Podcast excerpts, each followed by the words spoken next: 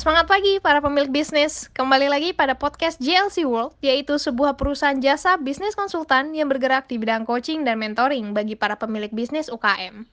Pada podcast kali ini, kami mengadakan video conference bersama dengan Ibu Novi Anawati yang merupakan Head of Human Capital dan General Affair dari PT Sarana Multigria Financial Persero.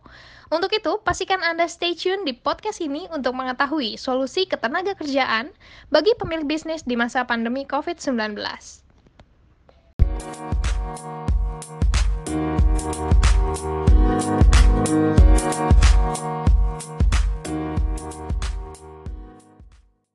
Oke, thank you Eva.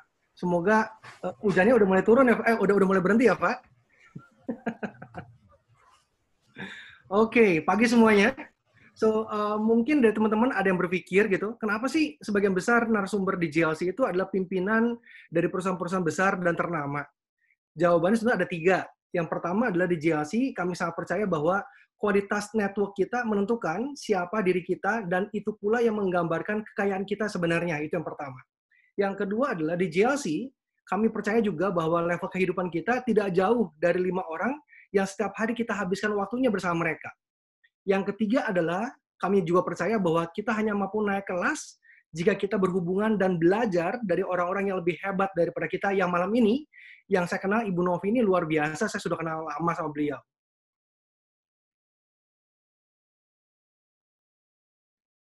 Oke. Okay. Uh, teman-teman semuanya, malam ini kita semua sangat beruntung karena Ibu Novi bersedia meluangkan waktunya yang sangat berharga untuk sharing bersama kita semua. Izinkan saya mewakili peserta yang hadir malam ini dan GLC untuk mengucapkan sekali lagi kepada Ibu Novi terima kasih karena beliau ini luar biasa sibuk ya Bu ya. Jadi uh, terima kasih banyak Bu Novi uh, atas kesediaannya. Dan sebelum masuk ke inti acara, izinkan saya untuk menginformasikan kepada teman-teman semuanya tentang profil narasumber kita malam ini. Nama lengkap beliau adalah Novi Anawati. Saat ini beliau menjabat sebagai Head Human Capital dari PT Sarana Multigria Financial, Persero. Kegiatan PT SMF ini adalah membangun dan mengembangkan pasar pembiayaan sekunder perumahan.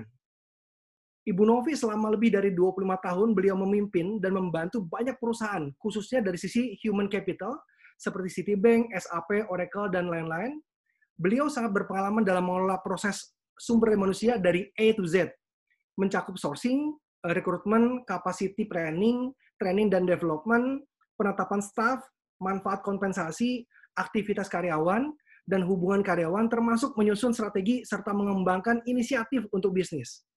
Jadi Bu Novi ini kalau kalau nih ngomongin superhero nih bisa terbang, bisa nyelam ke laut, bisa tembus tembok. Jadi beliau ini berpengalaman mengelola karyawan lebih dari 1.200 orang yang tersebar di seluruh Indonesia. Setelah sekian lama berkecimpung di perusahaan multinasional, akhirnya beliau mengikuti panggilan dari hati nuraninya untuk bersama-sama dengan kita semua membangun negeri kita tercinta Indonesia.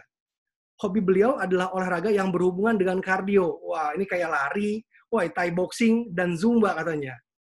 Demikian sekilas informasi tentang narasumber kita yang luar biasa malam ini.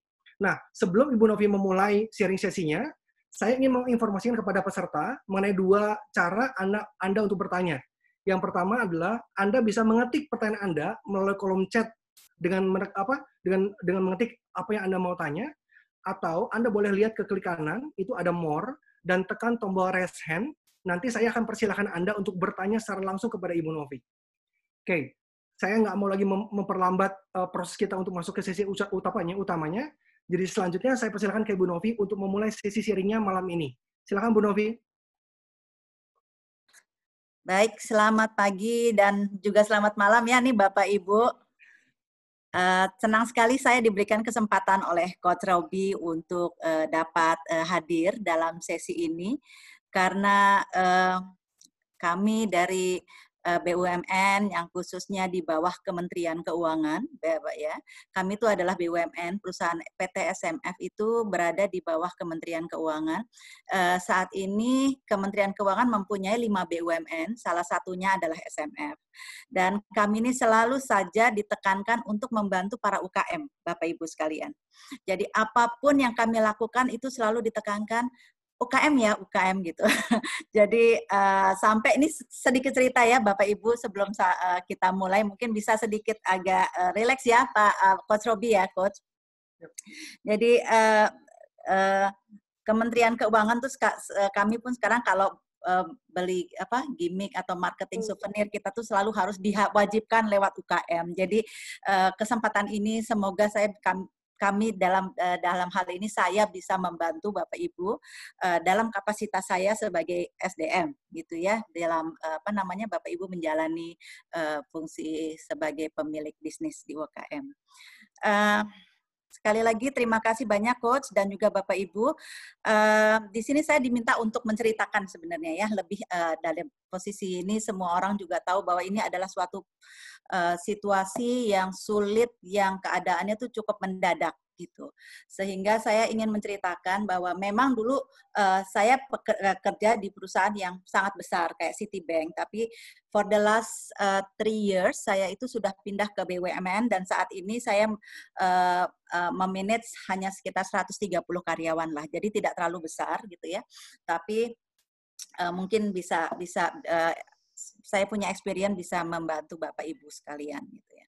Nah, da, uh, pada saat sebelum pandemik ini datang, uh, kita sudah dengar uh, dari beberapa dari beberapa uh, media bahwa di di Wuhan, di China, di Singapura, di negara-negara tetangga sudah ada virus yang namanya uh, virus COVID-19 ini. Tapi Indonesia sendiri waktu itu saat itu belum belum declare bahwa kita ada. Nah, uh, di saat itu para uh, manajemen kita, kita memiliki tiga orang direksi dan dan kami sebagai kadif adalah adalah uh, manajemen senior manajemen. Di situ kami uh, intinya adalah kita kita ingin sekali melindungi kesejahteraan daripada karyawan. Jadi apa yang dilakukan oleh CEO kami saat itu itu adalah berkomunikasi, melakukan town hall Bapak Ibu.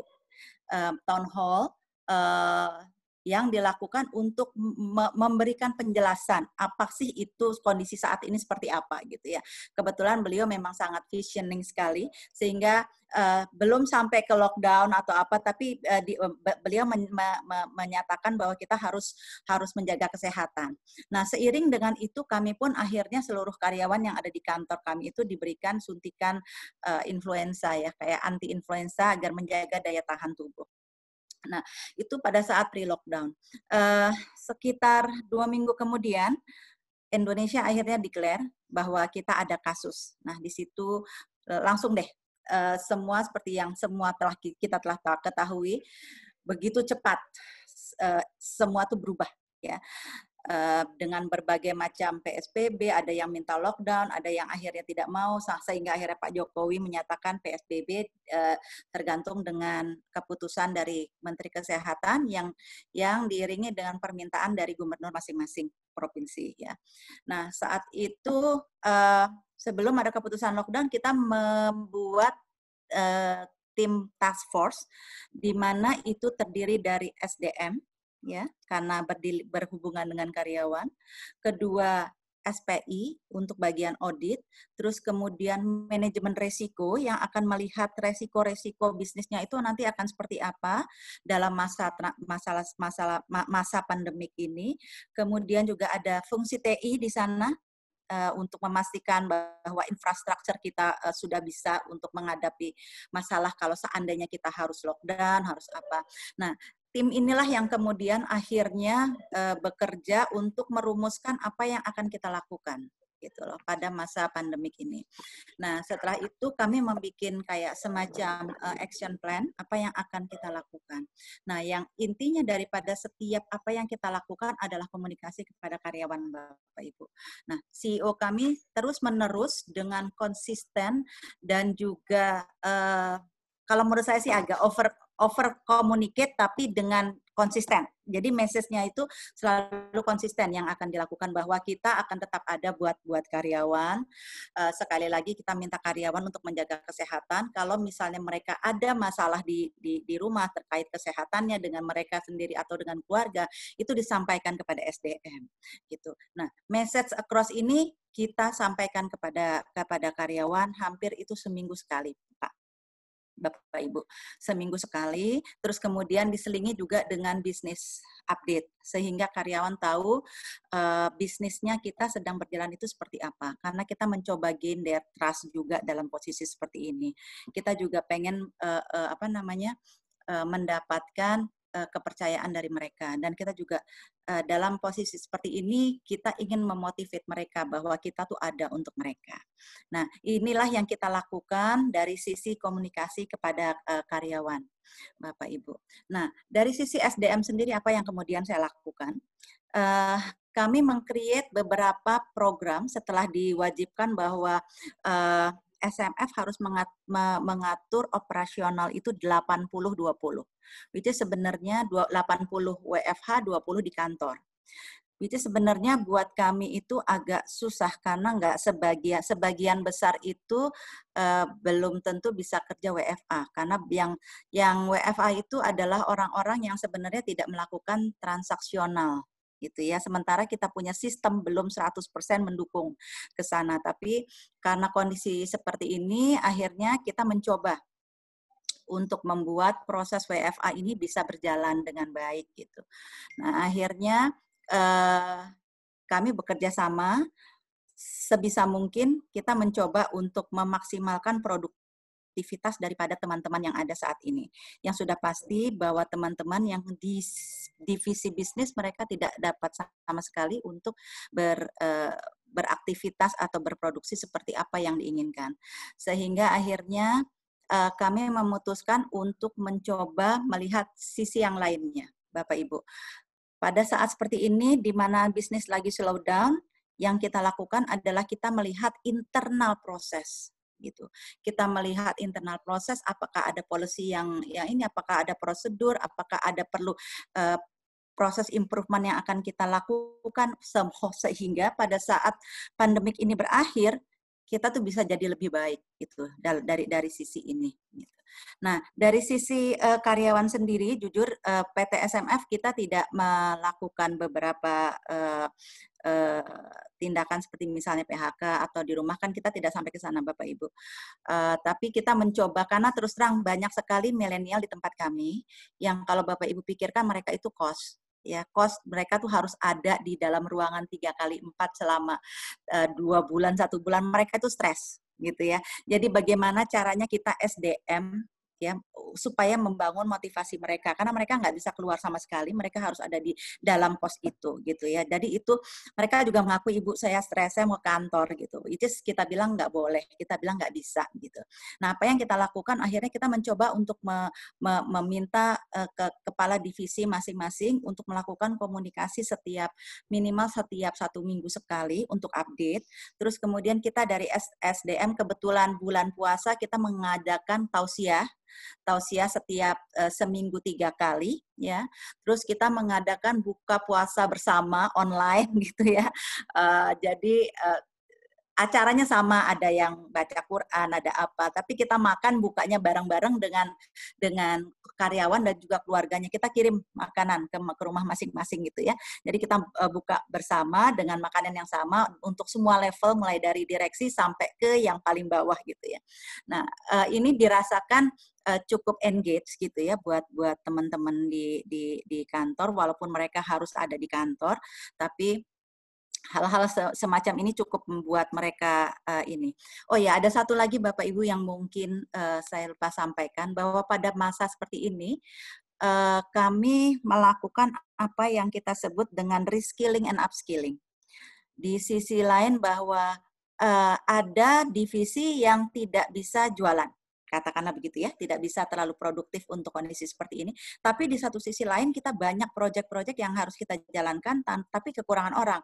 Nah, yang ada yang kita lakukan adalah kita mengassign menugaskan orang-orang ini untuk membantu proyek-proyek di sini sehingga karyawan yang tadinya uh, uh, pekerjaannya dalam kondisi seperti ini uh, katakanlah turun jadi sekitar 8 uh, 30 persen mereka dapat pekerjaan baru sehingga mereka bisa uh, uh, apa namanya mereka bisa meningkatkan mereka punya kompetensi itu itu salah satunya di sana uh, bapak coach coach coach boleh minta mak tolong ya. sebentar ini saya ada telepon dari dari direksi saya permisi ya. iya, iya, iya. Sebentar, sebentar aja. Soalnya bos. Iya, iya, iya, iya, oke, oke. So, eh, tadi Bu Novi bilang bahwa tadi ada ide sih yang yang yang saya dapat bahwa eh, bagus juga tuh kita ada kalau kita ada eh, karyawan yang memang muslim di masa-masa seperti ini kita bisa juga tuh eh, ide bagus buat buka puasa, puasa bersama. Tujuannya adalah eh, iya tadi untuk komunikasi, untuk juga apa eh, kasih informasi lain dan sekalian juga kita sharing apa sih yang akan kita lakukan ke depan setelah pandemi ini berjalan. Itu ada ide bagus banget tuh. Eh, satu yang tadi saya dapat, kedua adalah eh, komunikasi dibikin per minggu juga menarik tuh. Jadi kita bikin rutin. Jadi kalau misalnya di JLC itu ada tiap eh, meeting, eh, tiap minggu ada satu hari yang kita pakai dari jam setengah 9 sampai jam 12, maksimum jam 12 kita meeting. Tujuannya adalah untuk update gimana kondisi kesehatan masing-masing dari kita punya tim, eh, kasih moni- eh, apa motivasi, lalu sharing apa mereka punya kendala gitu. Karena bayangin ya tadi Bu Novi bilang gitu, kita tinggal saya beruntung sih saya di rumah lah ya. Cuman bayangin kalau kita di kosan gitu, eh, ruangannya cuma 4 kali 3 atau malah lebih kecil daripada itu gitu. Kita 24 jam ada di situ, nggak bisa keluar-keluar gitu. Eh, lama-kelamaan stres juga sih gitu ya. Jadi dengan caranya kita mereka komunikasi, ada orang yang diajak ngobrol, ya mereka bisa at least mereka bisa nuangin eh, mereka punya kendala seperti apa, kita solve the problem gitu dan segala macam. Itu sih yang menarik. Dan yang perlu kita pelajari adalah begini. Setelah kita, saya hampir dua bulan lebih lah di rumah gitu, uh, sama teman-teman, sama tim semuanya di rumah, uh, work from home. Uh, kelihatannya dengan kondisi Anda sekarang, kelihatannya kita mesti berani berpikir apa persiapan yang kita perlu lakukan untuk hidup berdampingan dengan COVID. Nah, itu yang menarik ya. Nanti saya juga akan tanya sama, sama Bu Novi ya. Nah, Bu Novi katanya udah balik nih. Tadi bosnya telepon katanya. Bu Novi udah baik belum, Bu? Oh, belum, belum. Oke, udah ada. Belum ya, oke. Oke. So, uh, saya juga nanti mau tanya sama Bu Novi karena beliau punya pengalaman banyak di uh, sumber daya manusia. Uh, beruntung di Bu Novi punya company kan memang uh, tidak banyak atau malah tidak ada orang yang dirumahkan. Tidak ada juga yang pemotongan gaji. Nah, nanti kita tanya sama Bu Novi, kan di company-nya uh, Bapak Ibu sekalian pasti ada yang dipotong gajinya, ada yang dirumahkan, ada yang di PHK dan segala macam. Nanti kita tanya sama Bu Novi gimana caranya uh, solusinya buat buat kita semua. Bu Novi, silakan Bu. Aduh, maaf maaf sekali kok sama maaf maaf nih Bapak Ibu, Mas ini kita karena ada perubahan ya kan, ada perubahan di uh, ternyata tanggal du, tanggal 22 itu libur atau tidak gitu. Kita sudah bilang libur, ternyata ada SE dari Kementerian BUMN atau apa bahwa ternyata hari Selasa tidak jadi SK cuti bersama. Gitu. Oh. Jadi cuti bersamanya dibatalkan Bapak Ibu dari hari Jumat gitu. Jadi ya tadi di root saya telepon jadi terpaksa saya angkat mohon maaf. Iya iya. Mengerti Bu, mengerti. Silakan Bu. saya big boss big boss ya. Oke, tadi sampai mana ya, uh, coach? Uh, tadi itu yang manai apa tadi ada uh, ups, upskill, uh, upskilling, reskilling, iya.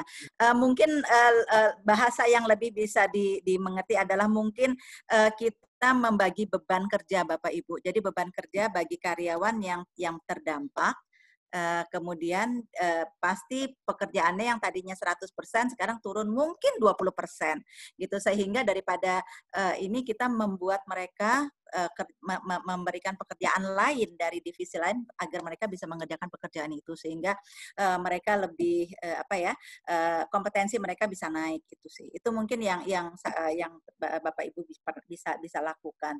Nah dari sisi kami dan juga direksi para rally juga kita melakukan terus melakukan apa namanya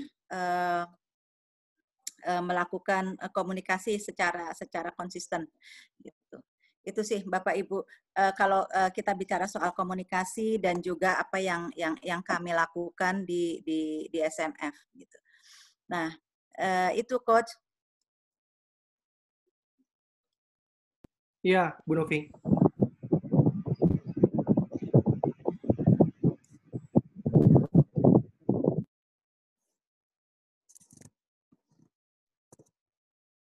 Yes, Bu Novi. Ya. Uh, Kemudian untuk uh, bagaimana caranya uh, kita meningkatkan semangat ya, uh, coach uh, dan juga uh, kemampuan uh, tim yang selama ini ada. Tadi telah saya sampaikan salah satunya adalah kami melakukan beberapa uh, inov kreatif karena dalam kondisi seperti ini kreativitas itu sangat-sangat dibutuhkan ya karena kami juga mencoba untuk melakukan sesuatu dengan tidak mengurangi anggaran-anggaran yang ada. Uh, jujur bahwa dalam kondisi seperti ini, saya sendiri sebagai SDM tidak berani untuk untuk mengajukan kenaikan gaji gitu ya ke salary increase itu.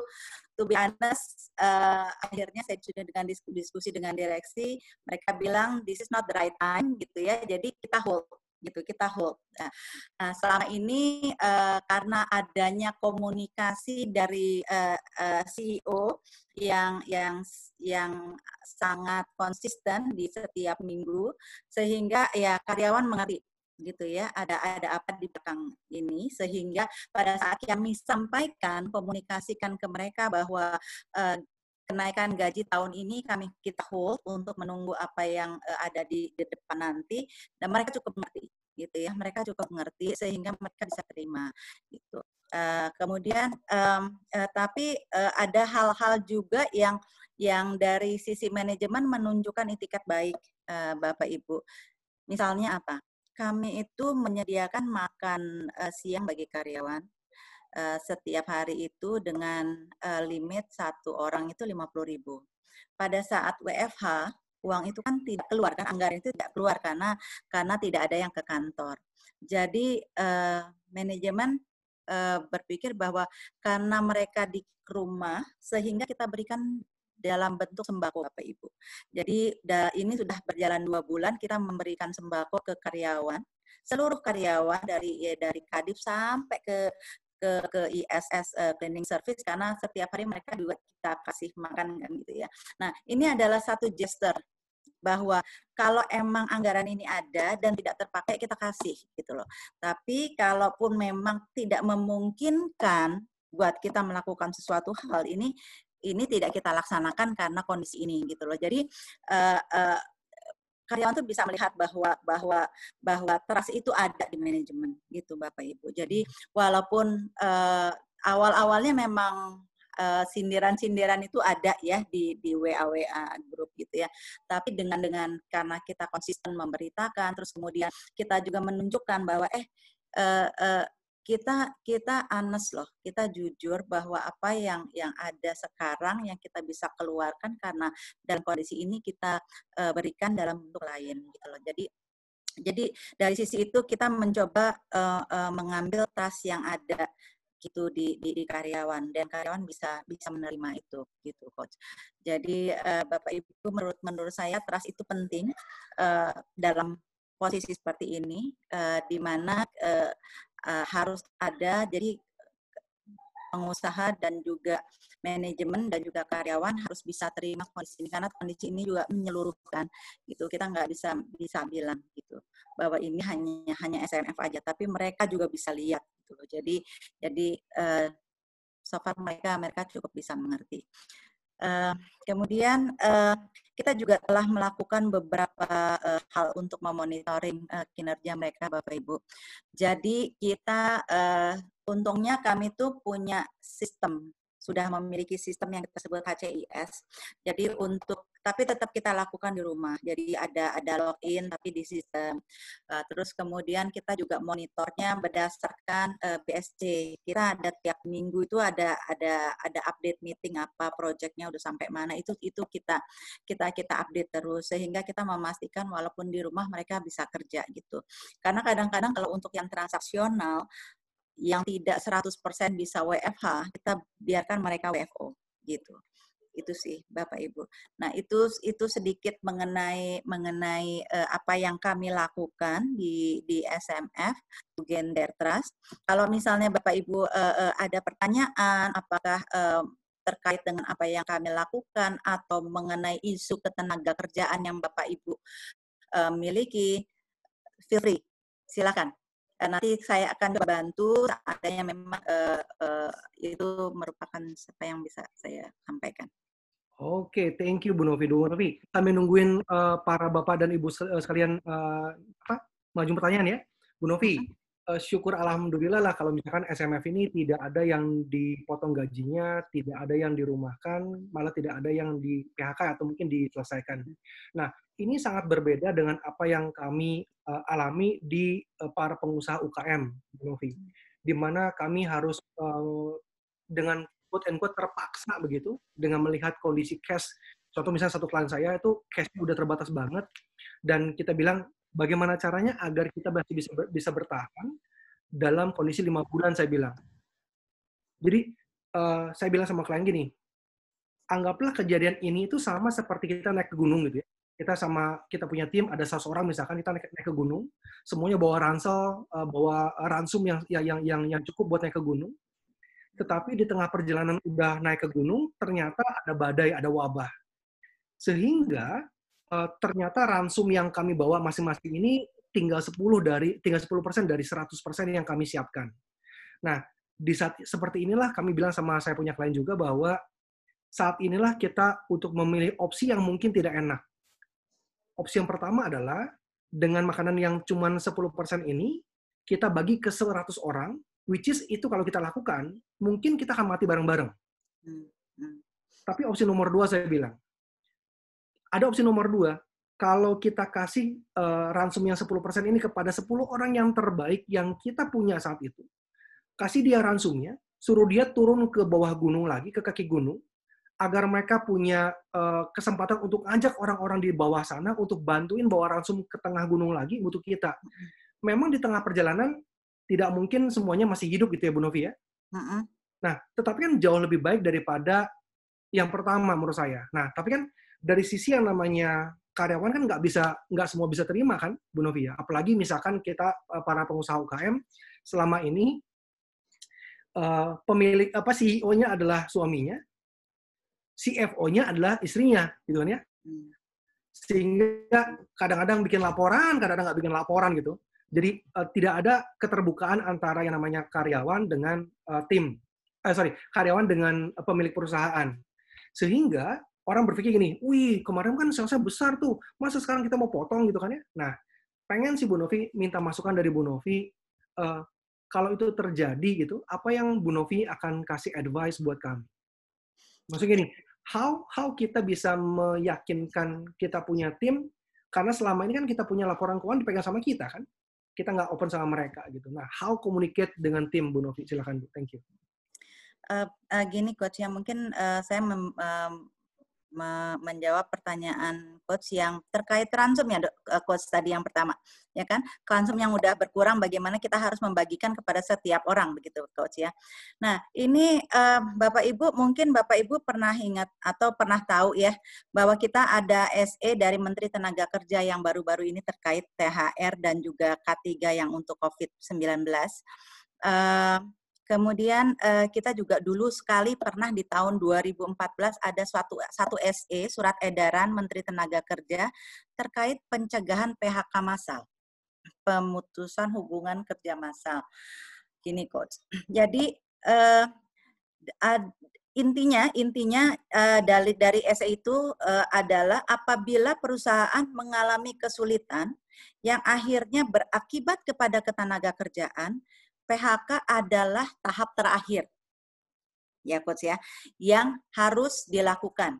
Itu tercantum dalam SE uh, eh, itu uh, Menaker. Jadi ada ada beberapa tahapan yang bisa dilakukan perusahaan se, se, sebelum melakukan PHK massa.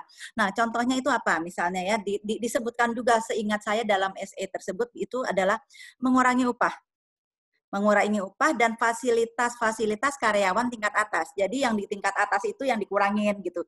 Gitu. Jadi karena kan memang spiritnya uh, membantu yang di bawah ya. Jadi yang di atas itu terus kemudian juga mengurangi shift kerja shift. Jadi kalau misalnya kerja shiftnya ada tiga shift atau empat shift, dibikin dua shift gitu ya, sehingga ada saving di sana. Terus kemudian mengurangi kerja lembur dan juga jam kerja itu bisa juga dibicarakan. Yang misalnya tadinya seminggu lima kali, eh, bisa jadi seminggu cuma tiga kali gitu ya. Nah otomatis kan juga ada pengurangan upah di sana gitu. Terus kemudian eh, merumahkan eh, karyawan untuk sementara waktu. Mungkin kalau untuk dirumahkan uh, kita tetap harus bayar upah ya kan? Karena uh, itu adalah perintah dari kita kita nggak bisa mengurangi upah di sana. Uh, tapi uh, uh, kita tidak membayar uang transportasi. Jadi mungkin ini ini ini sedikit tips aja buat bapak ibu uh, bapak ibu pemilik UKM kalau bisa pada saat anda membuat suatu uh, strategi uh, compensation jangan 100% dibuat uh, clean wage gitu ya. Tapi tolong disertakan juga dengan 25% kita bisa lakukan tuh tunjangan yang bersifat insentif. Contohnya di tempat kami, di tempat kami itu uh, kita juga memberikan uh, tunjangan transportasi. Jadi pada saat mereka datang ke kantor kita berikan transportasi itu. Itu namanya jadi kita nggak akan bayarkan kalau mereka sakit, mereka tidak datang ke kantor gitu. Jadi pada saat pada saat seperti ini nih, otomatis dalam satu dua bulan ini awal-awalnya mereka bilang, "Bu, kok gaji saya turun? Lo kan kamu nggak ke kantor kan?" Oh iya gitu. Ini ini ada ada sesuatu yang yang bersifat uh, insentif. Jadi ada dorongan juga. Jadi uh, saya selalu mengencourage bahwa tunjangan yang bersifat insentif silakan aja dimasukkan ke dalam sana gitu. Ini ini salah satu tips juga. Jadi uh, seperti itu. Uh, jadi merumahkan uh, uh, tadi ya uh, tahapan-tahapannya sebelum PHK ya coach ya karena tadi ransumnya sudah uh, sudah menipis. Kemudian juga uh, kalau seandainya ada karyawan kontrak mungkin kontraknya tidak diperpanjang itu juga merupakan salah satu tahapan. Kemudian uh, memberikan pensiun buat orang yang karena kan kita tahu lah kadang-kadang uh, karena sistem kekeluargaan mungkin kami pun kecil Bu walaupun BUMN tapi kita perusahaan yang nggak terlalu besar sehingga kalau misalnya uh, orangnya udah pensiun kita kita perpanjang gitu loh sehingga kan ini membawa menambah beban. Nah step-step inilah sebenarnya yang perlu dilihat juga oleh manajemen suatu perusahaan atau juga bapak ibu sebagai pemilik UKM gitu ya sebelum melakukan tindakan PHK massal. Nah tapi apabila hal-hal ini sudah dilakukan tapi ransumnya juga masih tetap tipis ya uh, akhirnya itu adalah ini adalah spirit spirit dari hubungan industrial Pak uh, Coach kalau bisa ke, saya sampaikan itu sih. Nah itu tadi yang uh, menjawab uh, terkait uh, ransum tadi ya Coach. Jadi kita bisa lakukan beberapa tahap sebenarnya ya. Nah terus kedua uh, kedua terka terkait komunikasi Coach. Uh, kami percaya bahwa trust itu need to be earned ya uh, saya pernah punya pengalaman di suatu uh, perusahaan di mana direksi yang pertama itu tidak di, di tidak dipercaya oleh karyawan. Jadi apa pun yang kami lakukan itu salah gitu loh karena karena uh, image direksi di di di mata Nah, begitu masuk direksi baru yang ingin merubah semua, which is kalau saya lihat dari sisi ini, ini baik sekali. To gain their trust itu is not easy dengan karyawan tas itu uh, nggak easy ya. Jadi apa yang harus kita lakukan tuh harus benar-benar konsisten, coach. Nah, salah satunya mungkin yang tadi kami sampaikan juga, walaupun kami tidak kenaikan gaji itu saat ini, tapi uh, kami melakukan segala sesuatu yang bisa kami lakukan gitu dengan anggaran yang ada gitu ya kayak misalnya tadi saya sampaikan pemberian sembako kita juga memberikan mereka hand sanitizer karena memang anggarannya sudah ada. Jadi hanya kita hanya mereallocate gitu loh. Nah sementara yang yang yang anggaran yang bisa kita tahan ke dalam kondisi covid ini ini pada saat kami sampaikan mereka itu bisa ngerti karena adanya keterbukaan dan saat setiap meeting kami sampaikan walaupun tidak terlalu detail karena kan uh, hello I mean saya selalu berpikir bahwa kampus not a demokrasi gitu ya. Tetap aja ada ada ada manajemen itu yang pegang kuasa atas ini ada, tapi tetap aja kita harus memperhatikan hubungan antara uh, pekerja dan juga karyawan dengan harmonis. Di situ harus adanya keterbukaan. Begitu, coach dan Bapak Ibu sekalian. Oh, ini okay. ada beberapa pertanyaan nih, coach. Iya, jadi ini yang pertama dari uh, dari Pak Julius ya, Bu ya. Jadi, ya. Bu, apakah diperbolehkan menunda pembayaran THR 50% di bulan ini 50% lagi di bulan depan. Silakan Bu Novi. Nah, Pak Julius bisa sekali Pak, kan ada SE dari uh, uh, Menteri Tenaga Kerja yang bisa menunda Pak. Jadi seandainya uh, menunda itu ditunda sampai misalnya katakanlah Agustus atau misalnya Desember gitu ya, mungkin dalam tahun ini itu ada, itu bisa bisa bisa sekali itu bisa banget Pak. Jadi tapi tolong tolong sekali lagi apabila melakukan sesuatu itu harus dilakukan dengan kesepakatan kedua belah pihak Bapak Ibu. Jadi misalnya ada uh, ada kesepakatan antara Pak Julius dengan karyawannya, tolong tuangkan dalam suatu agreement gitu ya bahwa pada saat ini ini dan karyawan setuju gitu karena uh, kita nggak tahu gitu ya nanti kalau di uh, kalau kita tidak memiliki uh, bukti itu nanti pada suatu saat ada dispute kita nggak ada bukti pak karena kalau nggak salah uh, TH terlambatan pembayaran THR itu uh, dikenakan denda 5%. Nah, lima persennya itu tidak disebutkan apakah sehari lima persen atau sebulan lima persen. Pokoknya keterlambatan lima persen dari dari THR itu sendiri gitu.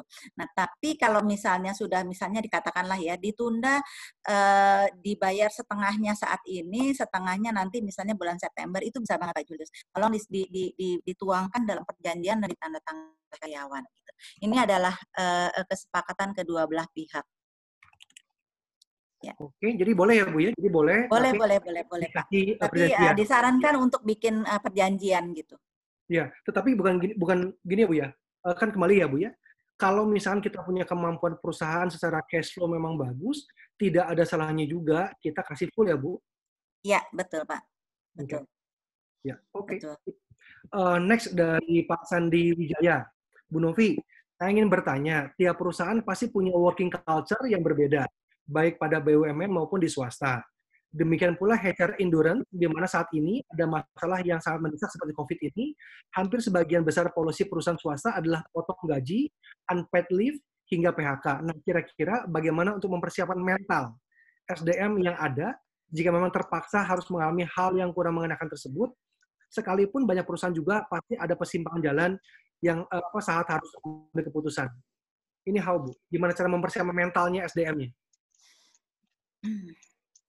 Ini Pak, uh, Pak Sandy, seperti uh, awal ya uh, yang disampaikan dari awal-awal, saya sih selalu mengencourage adanya keterbukaan dan konsisten komunikasi antara manajemen, antara pemilik perusahaan dengan karyawan. Jadi disampaikan aja dari setiap meeting yang ada, katakanlah seminggu sekali, progres dari perusahaan seperti apa gitu progres itu seperti apa, ininya seperti ini, ini seperti ini. Saya pernah pada saat saya pernah uh, saya pada saat saya join di suatu perusahaan besar ya, kan kita punya punya kasus yang amat sangat luar biasa di mana saya harus uh, menutup satu suatu satu bisnis dan itu saya lakukan saya mem, mem PHK banyak sekali karyawan Pak. Nah, itu yang kita lakukan adalah uh, komu, uh, komunikasi yang sangat intens dari dari dari manajemen gitu. Bahwa jadi enam bulan sebelum penutupan perusahaan karena ini kan sesuatu yang memang ter ya saya ngerti bahwa COVID ini tidak tidak terplan gitu. Semua orang ini ini mendadak gitu ya. Tapi kita bisa melakukan komunikasi yang yang sangat intens dalam waktu seminggu sekali sebenarnya. Jadi ini kan kondisinya udah sampai A efek ke, ke, ke company kita nih udah seperti ini, kita seperti ini. Gitu. Jadi setiap tiap tiap minggu itu ada perubahan itu disampaikan setiap karyawan gitu. Nah itu yang kami lakukan dulu di perusahaan besar itu sehingga akhirnya kami menutup satu bisnisnya. Ini bisnis kan. Jadi pada saat jadi even sebelum it's coming to them mereka udah prepare pak mereka sudah well prepare. Oh nih kayaknya nih gue bakalan di PHK nih gitu loh. Nih akan it's, it's coming to me gitu loh. Jadi jadi mereka juga udah udah expect. Iya. Jadi pada saat saya harus execute ya, saya harus execute mereka terima gitu. Memang nggak nggak it's not easy as as it takes gitu ya. Kadang memang memang memang uh, pada pada kenyataannya nggak gampang pak. Ada aja orang yang yang yang menolak atau uh, sulit atau apa ya tapi the decision it has to be dijalanin gitu kita harus ngambil keputusan bahwa it has lagi uh, konsisten uh, komunikasi dan juga transparan terbuka jadi apa yang hingga mereka is coming to them gitu loh. Kalau kalau ini tidak tidak terus membaik gitu, Pak. Oke. Okay. So jadi uh, yang tadi Bu Novi bilang adalah yang pertama adalah memang ini pelajaran buat kita semua bahwa yang namanya trust antara kita sebagai pemilik perusahaan itu sama tim itu memang mesti dibangun dari awal. Hmm. Yeah. Jadi itu penting banget belajar dari perusahaan besar deh, misalnya contoh Astra deh gitu. Itu tiap satu bulan sekali tuh uh, presiden direkturnya Pak Pri itu ada yang namanya town hall meeting yang tadi Bu, hmm. Bu bilang tuh dikumpulin hmm. semuanya pakai pakai video call lalu siapa pun yang punya uh, unek-unek ngomong di sana deh karena presiden langsung dengerin. Nah, itu bagus supaya kita punya persiapan nanti setelah COVID ini jadi lebih baik kan hmm. itu yang pertama. Yang tadi Bu juga penting. Nah, bisa juga Bu Novi ya dibikin juga persiapan misalkan ada program persiapan PHK misalkan. Jadi diajarin dulu kalau memang ada ada ada sumber dayanya kita bisa ajarin dulu supaya dia siap-siap juga untuk PHK mau apa macam. Tapi yeah. itu depend sama company-nya ya, Bu ya?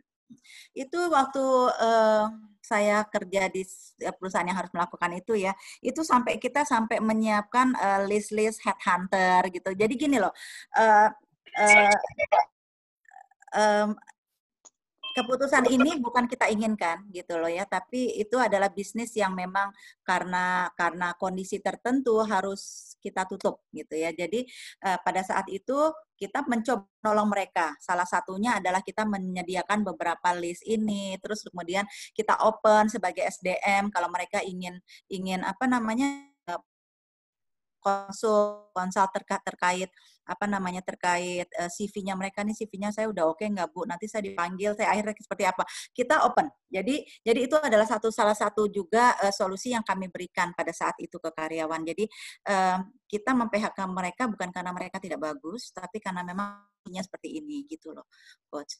Ya oke okay, setuju.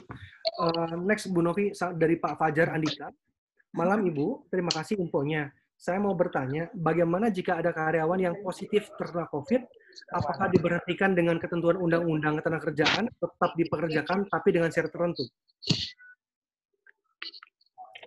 Dari Pak Fajar ya. Pak, ya. Eh, undang-undang itu menyatakan bahwa kita tidak boleh mem-PHK karyawan karena dalam kondisi sakit, Pak. Kalau kondisi itu kita ada aturan jadi uh, tiga bulan pertama kita bayar penuh gitu. Terus kemudian tiga bulan kemudian kita bayar 75 persen. Itu ada aturannya Pak. Jadi kita tidak boleh mem-PHK karyawan dengan alasan sakit Pak Fajar. Nah kami pun ada yang yang PDP karena kebetulan bapaknya dia dapat dari bapaknya bapaknya meninggal dan dia tuh nggak bisa datang pada saat bapaknya penguburan. Jadi apa yang kami lakukan kami memberikan support Pak. Saya sendiri yang langsung telepon dia, saya sendiri yang coba kasih dia encouragement bahwa dia bisa sembuh segala macam gitu Pak. Jadi eh, kalau misalnya pertanyaannya apakah kita bisa lakukan PHK nggak bisa Bapak kita nggak bisa. Jadi apa yang kita lakukan adalah kita mengisolasi mereka uh, iso, uh, mengisolasi karyawan itu maksudnya uh, dia harus isolasi kan ya karena memang protokolnya seperti itu sampai dia sembuh gitu. Dia sampai dia sembuh dua kali swab test negatif dia baru bisa kerja lagi. Itu pun dia kayaknya di rumah WFH gitu, Pak. Gitu. Dan dia alhamdulillah saat ini dia sudah sembuh. Gitu. Nah, ini menarik Bu Novi nih. Bu Novi, uh, kalau kita sudah bikin uh, apa policy ya, kan, kan tadi Bu bilang, Bu Novi bilang bahwa company kan nggak semuanya bisa demokrasi kan ya. Kita mesti ada juga kadang-kadang kita mesti ada yang kita mesti putuskan. Nah, ada satu uh, klien saya yang memang sudah kan dia ada konveksi besar ya. Uh, kita udah bilang bahwa kalau anda sayang sama keluarga di kampung, tolong jangan pulang kampung.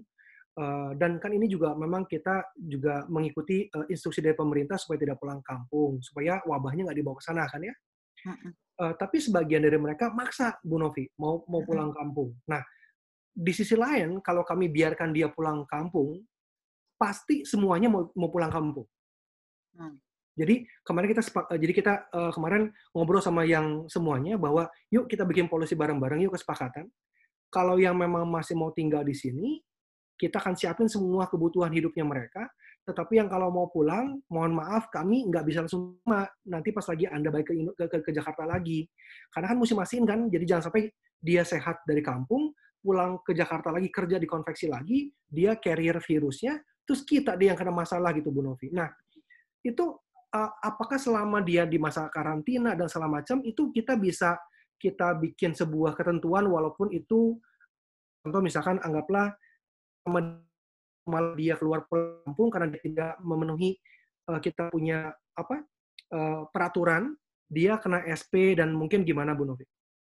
Uh, itu bisa banget sih, uh, coach. Karena apa yang kami lakukan juga saat ini, kami mengeluarkan uh, SE surat edaran bahwa karyawan itu tidak boleh pulang kampung. Uh, karyawan hanya tidak kampung gitu. Itu jelas baik punya SE dan ditandatanganin oleh direktur utama gitu. Jadi pada saat dia pulang kampung dan kita tahu dia pulang kampung di di dalam masa seperti ini, kita akan memberikan dia sanksi. Sanksinya itu sampai yang berat karena biar bagaimanapun juga ini dia telah jeopardize kan sebenarnya dia jeopardize keselamatan semua orang dengan dia pulang kampung gitu. Nah eh, terkait kalau misalnya pun eh, sanksi terus dia ya memang protokolnya dia harus diisolasi coach. Itu udah udah udah satu ini. Nah, jadi tapi tetap dia harus kita berikan sanksi karena dia melanggar SE larangan untuk pulang kampung gitu. Sama isolasi kita boleh misalkan anggaplah kan gini kan. Kita maunya kan baik sama mereka kan baik gitu ya. Jadi kan kadang-kadang gitu kan Bu, Bu Novi. Kita punya tujuan baik sama orang, tapi kan nggak semua orang bisa tujuan baik ya Bu. Nah, kan kita juga punya family yang lain mana mereka karyawan kita ini memang nggak mau pulang gitu. Maksudnya dia mengerti deh kenapa dia nggak mau pulang gitu. Even though dia rindu dan segala macam, dia udah deh bertahan di Jakarta aja deh. Nah, uh, apakah memungkinkan misalnya kita bilang begini, yaudah deh kalau yang mau kalau yang mau pulang kampung, anggaplah kamu mundurin diri deh. Itu how Bu Novi? Hmm, kalau dia menganggap ini harus ada kesepakatan, uh, coach kalau memang uh, seperti itu dia paksa uh, artinya Anda harus mengundurkan diri karena kita udah punya SE nih tidak boleh gitu aja. Kalaupun Anda mau ini Anda harus harus keluar dari sini itu memang bisa bisa aja dilakukan coach, tapi harus ada kesepakatan. Ya deh saya saya tetap mau pulang kampung, saya akan berhenti aja dari sini. Kita juga gitu. Itu sih coach. Oke, okay.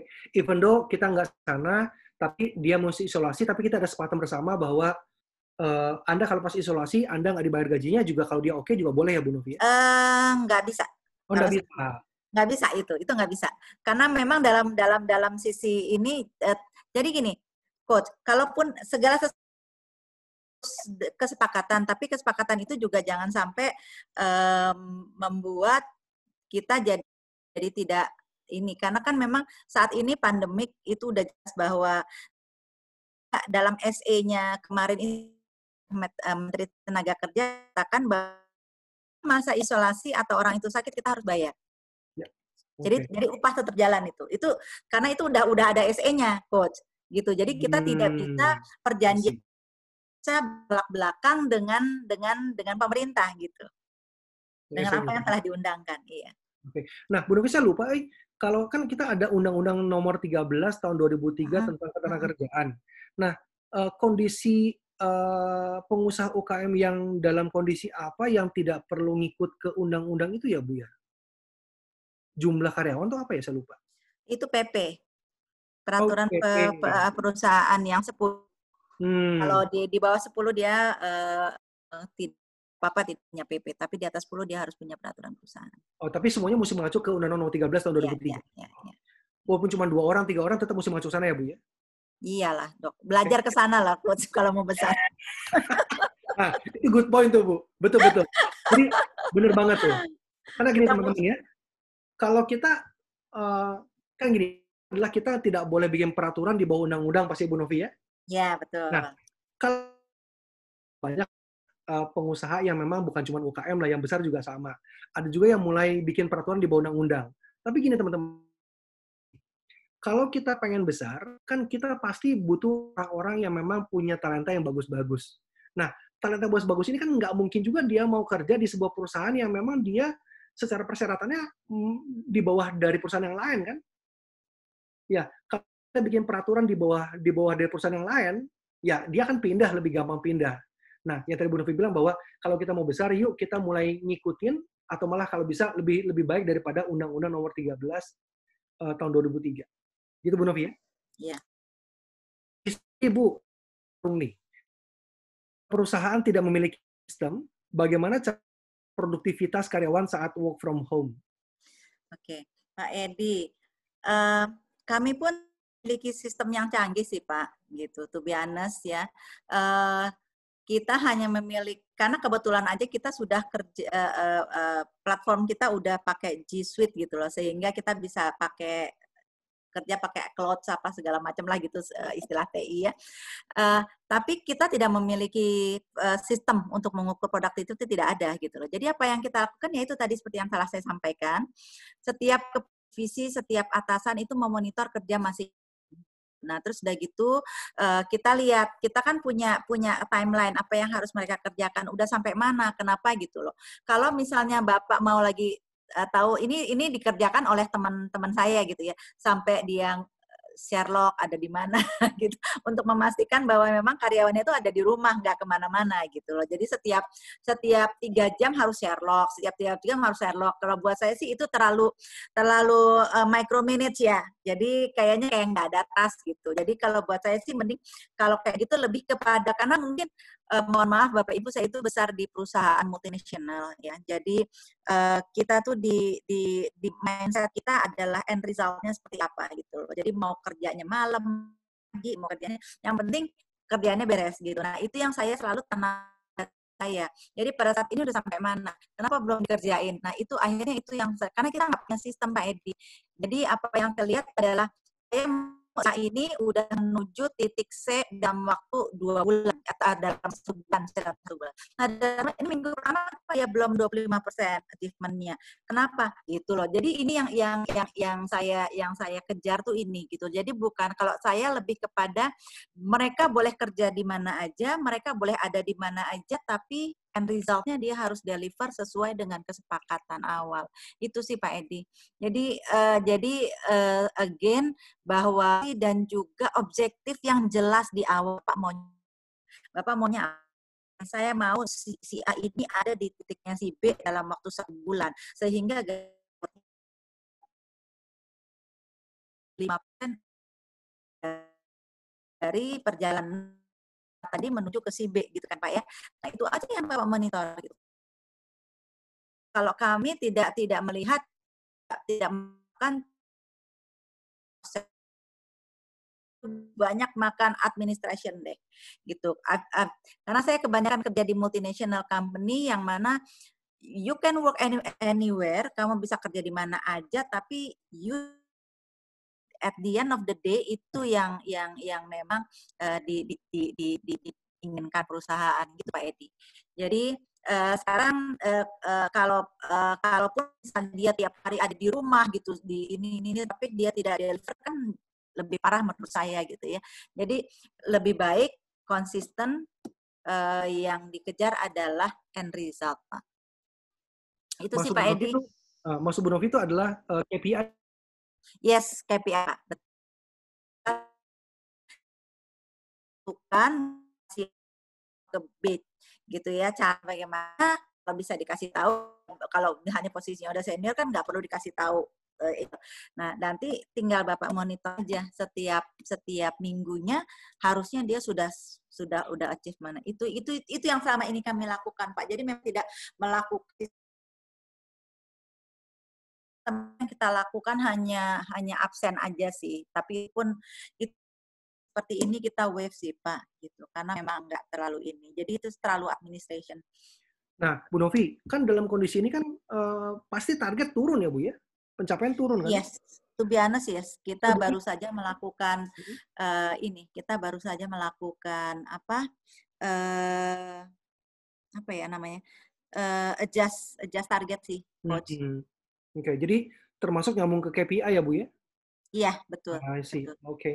Nah, Bu, uh, nyambung ke Pak Edi juga gitu. Kan uh, kalau di kami ini, di UKM ini berbeda sih, Bu, yang saya alamin sama klien ya.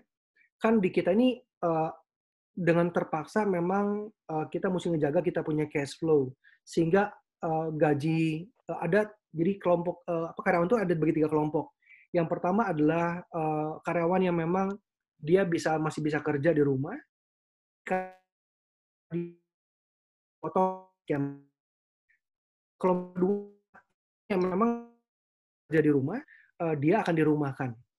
Dan memang uh, saya pun juga mendorong ke klien juga jangan sampai ada yang di uh, apa dikeluarkan dan segala macam karena mereka juga mau makan apa ya bu ya kalau kondisi sekarang gitu. Nah, dengan adanya dirumahkan, adanya yang uh, anggaplah yang tidak dilanjutkan, di sisi lain kan kami juga mesti uh, berusaha untuk mencari peluang bisnis yang baru kan Bu ya. Sehingga di kami ini kebalikan nih Bu Novi. Di saat lagi work from home, kok perasaannya sekarang kerjaan dari masing-masing tim itu lebih banyak. Di satu sisi dia digaji dipotong, di satu sisi dia kerjanya tidak banyak karena uh, yang saya bilang ditanggung oleh lima orang, sekarang jadi cuma tiga orang atau dua orang. Di sisi lain, tapi juga butuh bantuan mereka untuk membantu mencari peluang bisnis yang baru kan supaya kita bisa tetap dapat cash flow. Hmm. Nah, itu how, Novi? Hmm. Pertanyaannya, tuh biasa saya agak, agak sedikit bingung nih, uh, Coach. Okay. Yang pertanyaan, pertanyaan pertama tadi, Coach, kalau nggak salah menanyakan terkait dengan uh, uh, gaji yang yang kalau misalnya dalam kondisi seperti ini, apakah mau bisa uh, bukan gini, Bu, Bu Novi gini. Uh, yang kami alami sekarang di kliennya saya terutama lah yang uh, memang pebisnis UKM adalah jumlah pekerjaannya bukan tambah sedikit, tapi tambah banyak. Oke, oke, oke, nah, oke. Sedangkan di sisi lain gaji dipotong karena kan untuk ngejagain cash. Nah, how Ibu bisa uh, bantu kami untuk kasih masukan? Gimana caranya agar mereka juga mau mau mau apa mau terus semangat gitu, Bu? Padahal gaji dipotong, kerja ditambahin gitu. Gini. Uh, kalau kalau pekerjaan ditambahin itu artinya dengan tadi yang saya sebut dengan penugasan khusus reskilling upskilling ya. Jadi itu itu itu bisa bisa kita tanamkan sih ke mereka. Bos, tapi kalau misalnya gajinya dipotong mungkin kembali lagi kepada tadi yang saya sampaikan di awal bahwa kondisi ini uh, banyak-banyak bersyukur gitu ya. Dan itu juga dari sisi itu harus harus konsistensi kita sampaikan bahwa uh, uh, perusahaan lain yang sudah memphk mencoba hmm. untuk dalam rangka kelangsungan hidup perusahaan ini berjalan, kita butuh adanya terobosan gitu. Nah, sekali lagi komunikasi, coach. Itu intinya adalah keterbukaan komunikasi gitu. Sama seperti apa yang yang yang telah disampaikan di depan. Iya, betul sih. Jadi keterbukaan, keberanian kita sebagai pemilik bisnis untuk membuka kita punya informasi, uangnya sisa berapa dan segala macam itu juga iya. penting ya Bu ya. Iya, betul, Thank you Bu Novi. Nah, ini next uh, pertanyaan dari Ida Ayu Gede Hutri Dara Sasmita dari Bali nih Bu Novi. Ini jadi ingat Coach sudah tuh, belakangnya udah balik. udah, udah pasang nih, udah. Lagi vacation udah, mood aja. Iya, udah pengen banget keliling-keliling. Aduh, mungkin jalan-jalan kita di rumah jadinya. So, pertanyaan ini gini. Uh, Ibu bertanya, bagaimana profesional pada perusahaan milik keluarga yang di mana anggota level manajernya adalah circle keluarga sendiri kakak-kakaknya. Nah ini yang menarik nih, Kelihatan Ibu Ida Ayu ini ini nih uh, apa uh, tim nih anggota tim. Iya, uh, gini, uh, saya belum pernah ngerasain sih ya uh, Mbak Ida ya. Tapi uh, kakak saya juga uh, punya uh, sebagai pemilik UKM juga dan kebetulan ada sepupu-sepupu saya juga involved dalam perusahaan itu. Nah, kebetulan memang kakak saya lumayan strict sih gitu. Cuman kadang-kadang uh, ada nggak enakannya juga ada gitu ya. Tapi uh, akhirnya uh, jadi main tengah gitu antara kan udah kelewatan akhirnya dia bertindak sebagai individu yang menjalankan bisnis kalau masih yang bisa tolerable gitu uh, dia bisa bisa bisa tolerable lah. Tapi kalau kalau itu sudah akhirnya uh, keponakannya sendiri pun keluarin gitu kayak kemarin kasus uh, sesuatu yang mungkin uh, saya nggak bisa cerita ya. It just too much gitu buat dia akhirnya dia keluarin. Tapi kalaupun ini bisa terima dia masih bisa jalan. Dan dan itu tetap tetap tetap. Dia berusaha untuk untuk untuk profesional. Dan rasa juga bapak ibu di sini sudah jauh lebih lebih uh, berpengalaman dari dari saya untuk itu. Ya kan coach ya? Iya. Saya dulu pernah uh, tuh tapi kembali ke diri sendiri sih Bu. Jadi maksudnya iya. adalah uh, kalau kita melihat bahwa ada ada benefit kan normal ya uh, karyawan employee uh, bertanya tentang benefit baik itu sifatnya materi maupun uh, pengalaman maupun itu uh, apa pengetahuan training segala macam. Selama Anda melihat bahwa tempat Anda bekerja ada benefit yang Anda bisa peroleh, jangan pikirin kiri kanan gitu menurut saya karena semua company kurang tinggal Anda melihat value dari company itu apakah Anda bisa nggak fit sama mereka. Ya. Kalau fit, jangan jangan jangan juga uh, empati, eh, jangan jangan juga apa antipati. Saya akhirnya bisa juga sampai level di atas walaupun saya kerja di perusahaan keluarga gitu. Jadi jangan sia-siain kita punya waktu mikirin hal-hal yang ini keluarga nih gimana nih segala macam gitu. Selama kita bisa dipercaya, dua hal saya bilang. Selama kita bisa dipercaya dan kita mampu ngerjain apa yang diminta, mereka pasti jagain kita. Itu aja sih. Kalaupun bisa jagain kita deh, kita nggak rugi juga kok. Kita udah ambil banyak banyak pengalaman, banyak pengetahuan di sana kok. Gitu sih. Itu sih pandangan saya Mbak Ida. Namanya Bu Novi ya. Nah, Bu Novi ada dari pertanyaan menarik ini dari Pak Peter. Dari Pak Peter Alexander. Dalam mencari talent terbaik, bagaimana metode Ibu untuk mendapatkan kandidat terbaik uh, for the job? Dan bagaimana menjaga mereka tetap setia di perusahaan kita? Uh, kalaupun uh, saya proses di tempat kami, yang tempat kami yang kami lakukan itu adalah kita ada beberapa tahap gitu ya. Uh, interview udah pasti. Ya. Kemudian kita ada assessment. Assessment ini kita melibatkan third party memang. Kita ada dari kita pakai PPM untuk karyawan, terus kemudian yang satunya itu untuk kabak tuh agak lebih susah susah susah. Nah, tapi yang biasanya uh, uh, kami itu ada uh, record Pak. Track record itu biasanya kalau track recordnya uh, orang yang kompetensinya bagus dia akan dia bawa gitu ya. Jadi kalau dia udah punya punya kompetensi bagus jadi dia akan pindah ke tempat lain dia tuh pasti akan bawa kompetensi itu. Jadi kalau dilihat track recordnya aja bapak nanti coba lihat successfulnya dia seperti apa. Jadi interviewnya harus lebih in depth pak. Saya sih kurang kurang kurang terlalu uh, uh, yakin dengan dengan dengan proses yang assessment tapi tanpa adanya in depth interview gitu ya. Nah karena seperti itu nanti pada saat bapak uh, interview harus Bapak lihat juga lebih ke dalam orang itu nanti seperti apa. Bapak lihat track recordnya, jangan lihat apa yang diomongin going to future. Misalnya saya mau, tapi lihat Anda pernah pernah menciptakan apa gitu loh Pak. Jadi pertanyaan yang seperti itu yang Bapak coba lihat gitu loh. Nah saya ya, itu satu hal. Nah kedua kalaupun Bapak mau mencari kandidat-kandidat yang uh, fresh grade, nah cari-cari juga mereka yang memang uh, punya IT Pak gitu. Itu seperti itu. Jadi uh, uh, kita juga uh, mendevelop uh, people from within juga mencoba men seperti itu karena kan memang kita kecil ya Pak. Gitu. Jadi kita mencoba mendevelop people from within dengan beberapa uh, development program. Nah, bagaimana menjaga mereka tetap setia di perusahaan kita? Hmm, uh, kita belajar dari dari dari dari perusahaan besar ya Pak kayak model uh, City terlalu besar, stick with them gitu ya. Kenapa pertanyaan? It's not about the money, to be honest, gitu. Tapi apakah uh, uh, karena apa? Kalau kita udah masuk di situ, kita tuh punya mental yang di yang dijot sama mereka. Jadi saya tuh nggak percaya bahwa uh, uh, apa namanya uang itu men, apa benefit itu menjadi sesuatu yang target itu tidak. Jadi karena karena kita kalau mau naikin gaji naikin gaji itu akan akan capek sendiri gitu Pak. To be honest, attrition ya di di SMF ini sangat kecil sekali Pak. Kecil sekali padahal gaji kita juga nggak terlalu besar.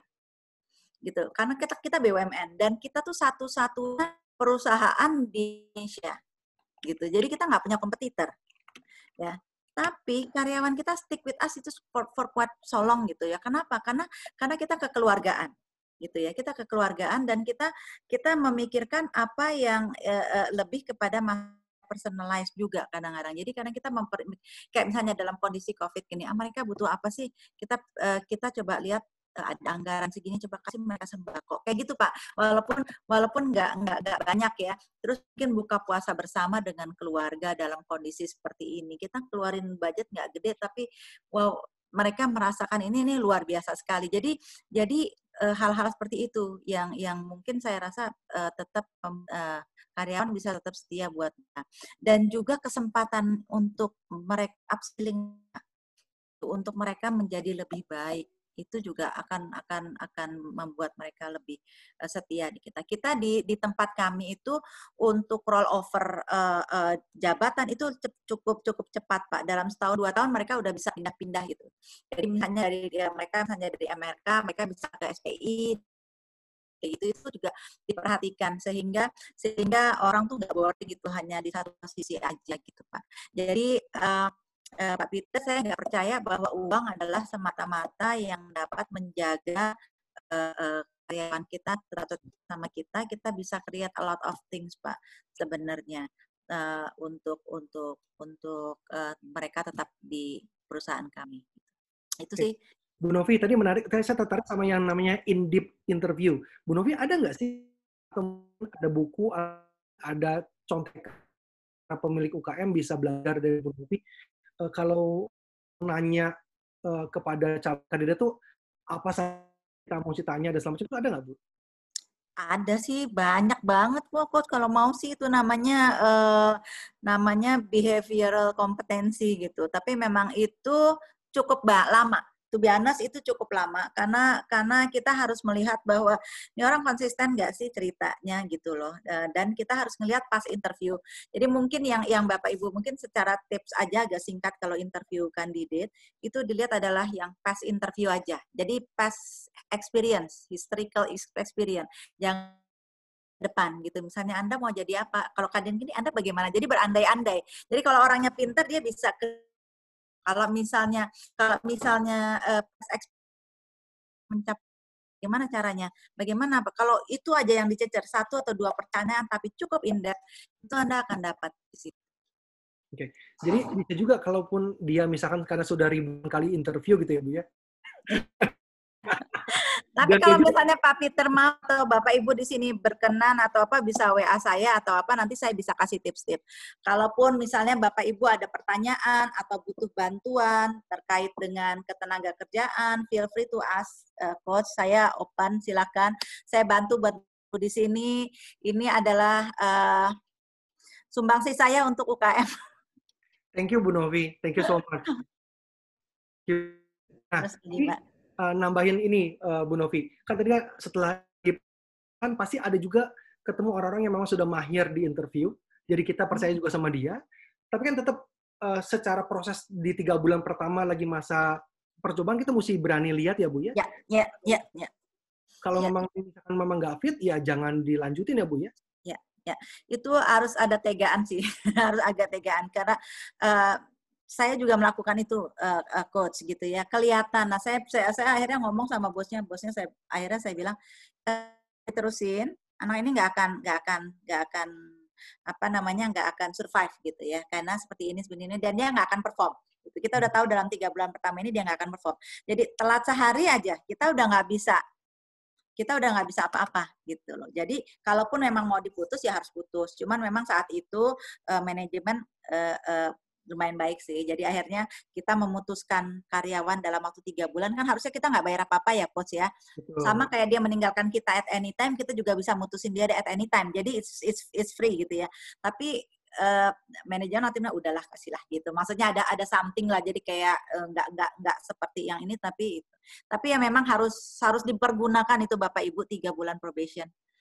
Nah, udah punya dong kan pasti ada ketemu juga di mana ketemu yang yang kita nggak yakin, tapi kok kita masih ada masih ada keyakin masih ada sedikit keyakinan bahwa ini orang bisa nih kalau bisa nambahin waktu lagi nih. Tapi kan kita nggak mau dia sebagai karyawan tetap nih. Bisa nggak sih dari tiga bulan kan kalau dari undang-undang kan nggak boleh kan? Kalau udah masa percobaan yang mesti tetap kan? Hmm, hmm, atau kontrak kan? Nah, tapi kalau ada keber, apa ada kesepakatan bersama dengan orang yang bersangkutan bisa nggak setelah tiga bulan lalu kita bilang eh saya ini masih belum yakin nih kalau anda ini karyawannya tetap nih bisa kita terima nih nah kalau anda memang mau lanjutin misalnya anggaplah sebulan lagi atau dua bulan lagi itu masuk masuk lagi perpanjangan masa masa percobaan itu Bu Novi? Nggak boleh coach. Nggak boleh ya? Pun memang mau harus break. Dia berhenti. Hmm. dia berhenti satu bulan kalau dia mau di hire lagi gitu ada jeda. Dan dia kayak proses awal lagi. Nah, gitu. Bu Novi. Nggak boleh dok. Nggak boleh coach. Kalau misalnya gini Bu Novi terus dia dia bilang ini bu uh, bu jangan dong jangan dipecat dong. Saya kan butuh makan juga bu. Gak apa deh. Iya.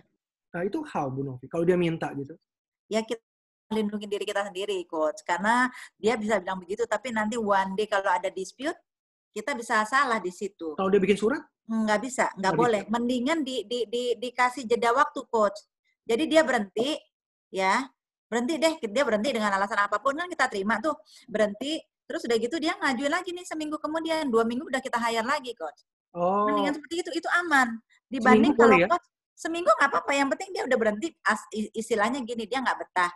Begitu dia berhenti, gitu ya kan seminggu minggu dia berpikir-pikir lagi kayaknya nggak bisa gini gini gini dia balik lagi kita terima itu nggak ada masalah lebih Oke. baik begitu daripada eh, tadi diperpanjang coach karena itu udah menyalahi sekali Oke. Nah, Novi, eh, betul nggak sih kalau misalkan gini kan, kan pasti ada yang nine box punya eh, itu ya, eh, kita punya performance sama sama potensial gitu. yang talent gitu talent nine Nah, box betul. Nah, yang talent nine box bu. Nah, eh, Bu Novi, eh, betul nggak sih kalau dipikir saya gini, orang-orang talent tuh keluar karena dia merasa bahwa eh, mimpi yang dia mau capai di hidup ini dia nggak yakin bahwa bisa capai di company kita gitu.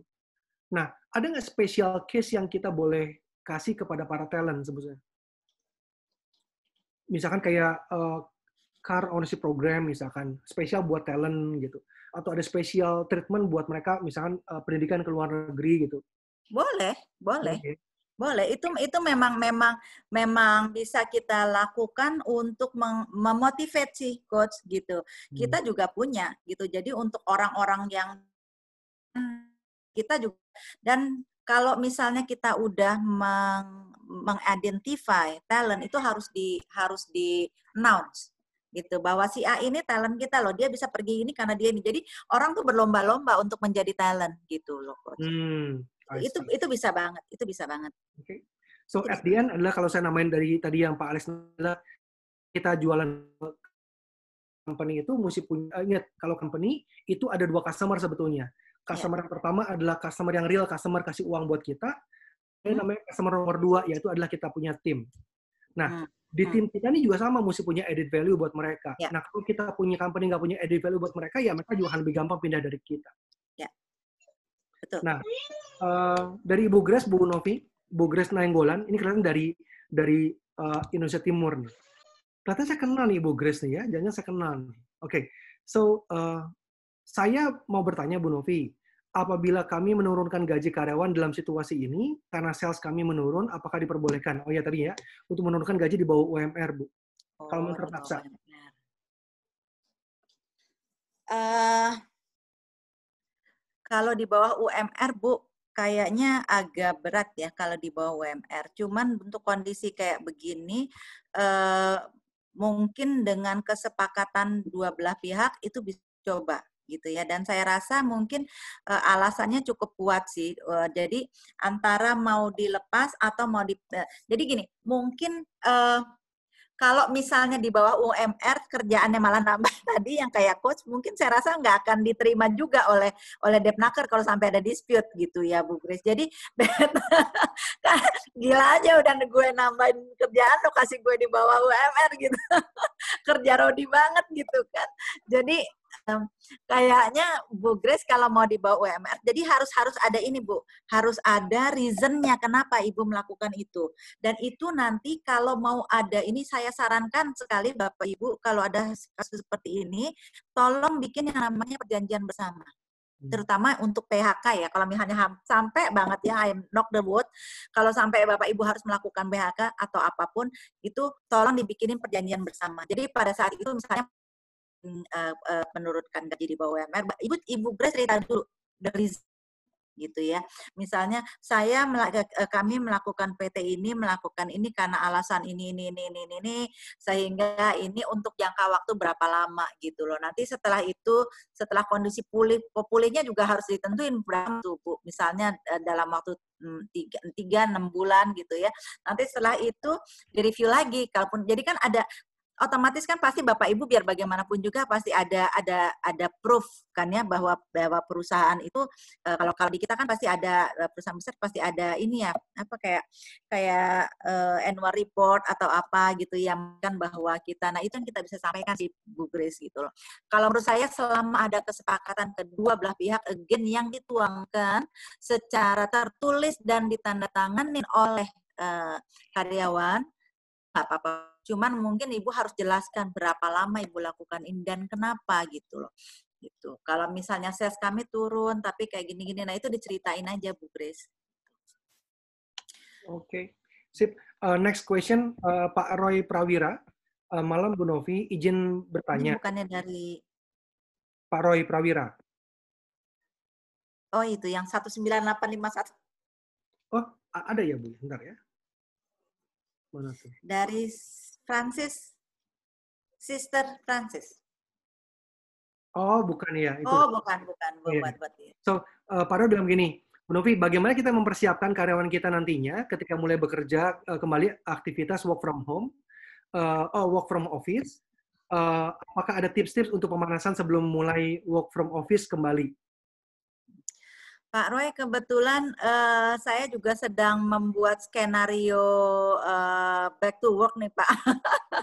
Jadi karena kebetulan eh, keputusannya BUMN dan juga PSBB kemungkinan akan dibuka di bulan Juni kan Pak ya, gitu. Eh, Nah, jadi kita mencoba mengikuti protokol pemerintah juga ada prosedur, ada skenario. Jadi di mana untuk karyawan yang di atas 45 which is di kita itu susah karena di kita yang di kebanyakan milenial.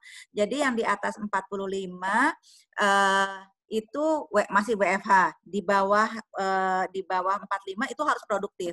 Tapi kalau dilakukan seperti itu eh, artinya 90% transport kita masuk kan gitu. Eh, which is nanti akan akan terlalu mendadak. Jadi eh, yang saya lakukan terus terang saya belum propose sih Pak Roy, cuman yang saya lakukan adalah saya bikin skenario. Jadi salah satunya adalah eh, untuk karyawan yang memang pekerjaannya bisa work from home ya dan juga mereka eh, performance-nya baik, kinerjanya baik, itu kita sarankan untuk WFH dulu gitu. Nah, dengan jadi misalnya gini, eh, satu divisi karena kita nggak besar ya Pak. Jadi satu divisi katakan ada lima gitu, katakan ada lima staff. Jadi yang kadifnya misalnya kepala divisinya kayak saya di atas 45 lah ya gitu. Udahlah ini WFH lah gitu. Nah tinggal yang empat lagi nih Pak Roy. Nah yang empat lagi misalnya yang konditenya baik dari yang empat itu misalnya ada dua gitu ya. Yang dua, nah ini yang dua ini WFH dulu. Dia yang ini WFH dulu karena dia pekerjaannya pun nature of the job-nya pun dia bisa kerja from home. Karena nggak semua pekerjaan gitu yang kayak tadi saya sampaikan kerjaan transaksional itu kan nggak mungkin kerjaannya bikin policy apa tuh bisa dari rumah bisa anywhere tapi kalau dia harus transaksional bikin itu itu nggak akan bisa gitu loh jadi kita pemanasan bisa lakukan gantian gitu. Nggak harus pilih-pilih seperti itu. Misalnya 50 jadi kan kalau di kami kita 80-20 kita turunin 50-50 berikanlah kesempatan kepada kepala divisi masing-masing untuk membagi sehingga operasional mereka bisa nanti dah 50-50 775 kerja kayak gitu sih. Tapi mungkin kalau skenario nya Kementerian Keuangan ini hanya sebagai eh, sudah membuat proses uh, flexible work scheme gitu ya skema uh, uh, work flexible jadi karyawan itu boleh kerja di mana aja tapi memang tidak seperti yang tadi saya sampaikan bahwa kriterianya harus baik pekerjaannya juga dia harus bisa kerja di luar gitu. Jadi di mana aja. Jadi nanti uh, a new normal itu akan ditetapkan di di di ini Pak di Kementerian Keuangan dan kita BUMN juga uh, going forward juga harus ikut ke sana gitu Pak. Jadi mungkin itu sedikit-sedikit pemanasannya Pak. Jadi mungkin uh, Bapak bisa pilih yang 45 dulu di rumah gitu ya. 45 di rumah, atau di bawah kerja atau nanti bisa juga di setengah-setengah atau gitulah. Jadi bisa bisa dibikin stages Pak. Gitu Pak Roy gitu. Nanti kalau mau Pak Roy juga uh, uh, ini bisa ngintip punya saya juga nggak apa-apa Pak. Kita sama-sama bikin aja. Kebetulan juga saya lagi bikin gitu. Nah, jadi bisa bisa bisa saya sharing lah apa yang saya bikin ke Pak Roy ya Pak. Nah, Bu Novi, uh, kondisi ada social distancing Ya masih Pak, masih. jagain, ada termometer kita juga tembakin segala macam Hmm. itu jalan ya Bu ya. Juga karena saya pikir juga memang ini dengan kondisi kita punya daerah juga, aduh bingung juga saya juga nih kota kelahiran saya PSBB sih PSBB gitu tetap aja mau rame di jalanan. Aduh orang malah yang pendengar suaranya diketawain semua sama masyarakat coba orang nggak pakai masker. Tuhan saya bilang ini mau sampai kapan Bu Novi? Nah bilang memang memang at the end kelihatannya nggak mungkin lebih lama lagi nih setelah Ya, lebaran segala macam kelihatannya sih memang kita mesti mulai hidup berdampingan sama COVID ya Bu. Oke nih uh, Ya, ada gitu. ini ada pertanyaan menarik Ini lagi nih Bu. Jadi uh, saya mau tanya lagi nih, acaranya makin seru katanya. Nah, perma nah permasalahan dari sisi perusahaan yang berkembang dari perusahaan kecil menuju perusahaan besar di mana rekrutmen dulunya tidak ada namanya kontrak kerja atau apa pun perjanjian terdispute di kebetulan SDM tersebut tetap apa tergolong nakal, tidak perform tapi berlindung di balik aturan bahkan serikat pekerja uh, gitu bagaimana sikapinya. Apakah perusahaan harus tetap memenuhi undang-undang tenaga kerja jika harus PHK demi tegakkan disiplin perusahaan? Nah, ini Bapak Ibu ya. Uh, saran saya, Bapak Ibu, ini kalau kita tidak punya peraturan perusahaan, itu kita mengacu kepada undang-undang, Bapak Ibu. Jadi kalau misalnya Pak Sandy nggak punya, emang akan larinya akan ke undang-undangnya, Pak. PP ini disarankan bagi perusahaan yang sudah punya minimal uh, minimal 10 karyawan. Isinya nggak usah terlalu muluk-muluk, Pak. Gitu. Yang penting mengatur mengenai sanksi, mengatur apa segala macam. Nah, konsekuensinya kalau ada seperti ini ya memang kita harus ikutin undang-undang gitu. Nah, ini adalah pelajaran sih Pak Sandy ya. Nggak apa-apa kita bayarin ini nih karena memang kita harus ikut karena karena itu adalah negligence kita kita punya ini ini istilahnya kayak pelajaran lah, is, is, a lesson to learn gitu. Emang kita harus bayar karena kita nggak punya PP. Karena peraturan perusahaan itu harus ada gitu Pak.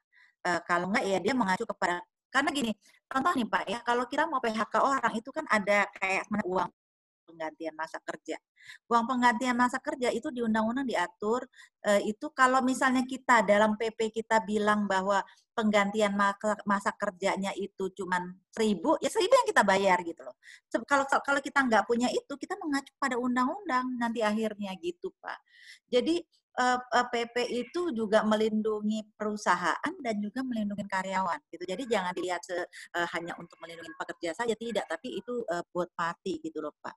Nah, ya, uh, nah sekarang uh, saran saya kalau misalnya nggak punya ya harus diper, harus dipunyain Pak sekarang yang namanya apa nih tadi nih kontrak kerja ya Bapak belum punya kontrak kerja ya jadi harus dibikin Pak Pak Sandi harus dibikin uh, diperbarui aja uh, karena uh, ini jadi harus ada gitu. Terus kontrak kerja sih simpel aja bahwa dia kerja ini ini ini segala macam udah. Nah, selebihnya Bapak masukin ke dalam BP. Nah, Bapak kalau Bapak mau mau bantuan saya untuk ini saya bisa bantu juga. Sip. Wah, thank you Bu Novi. Jadi iya, nanti ya, teman-teman uh, yang di sini kan dari sini kan nanti ada juga kita kasih bantuan untuk free uh, coaching mentoring program.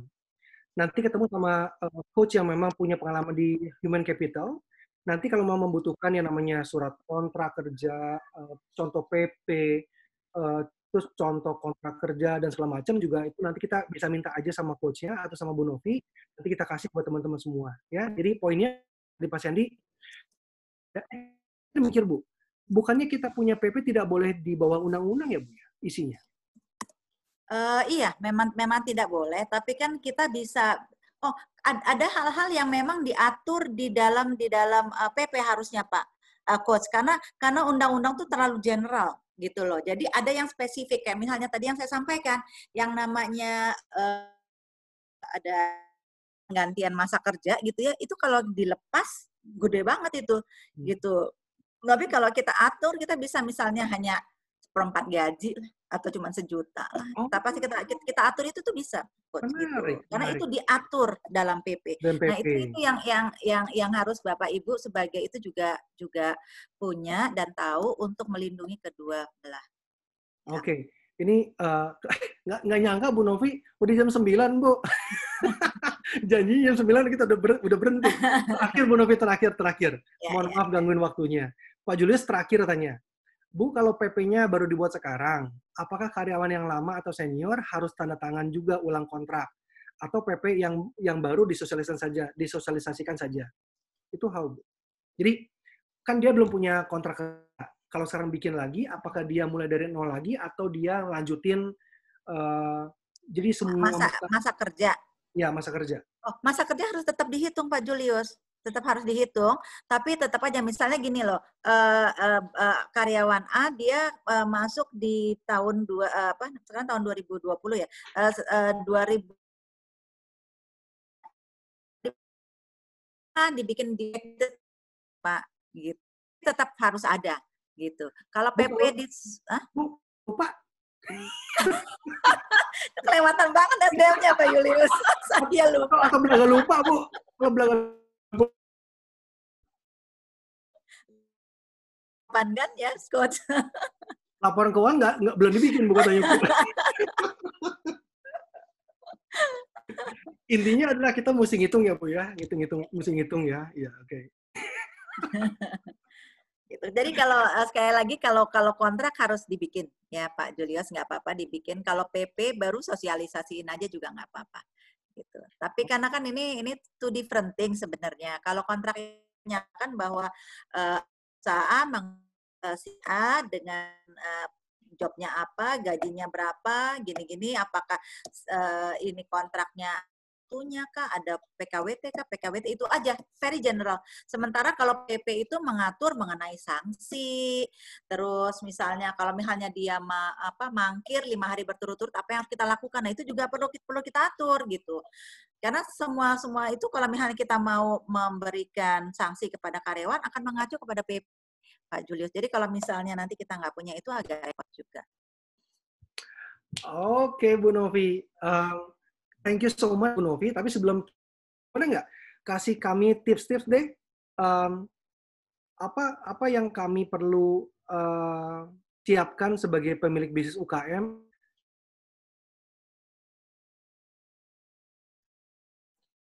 masa COVID dan sesudah COVID. Ya. Kalau saya kembalinya ke, ke uh, dari sisi kemanusiaan ya di sisi human touch-nya uh, coach.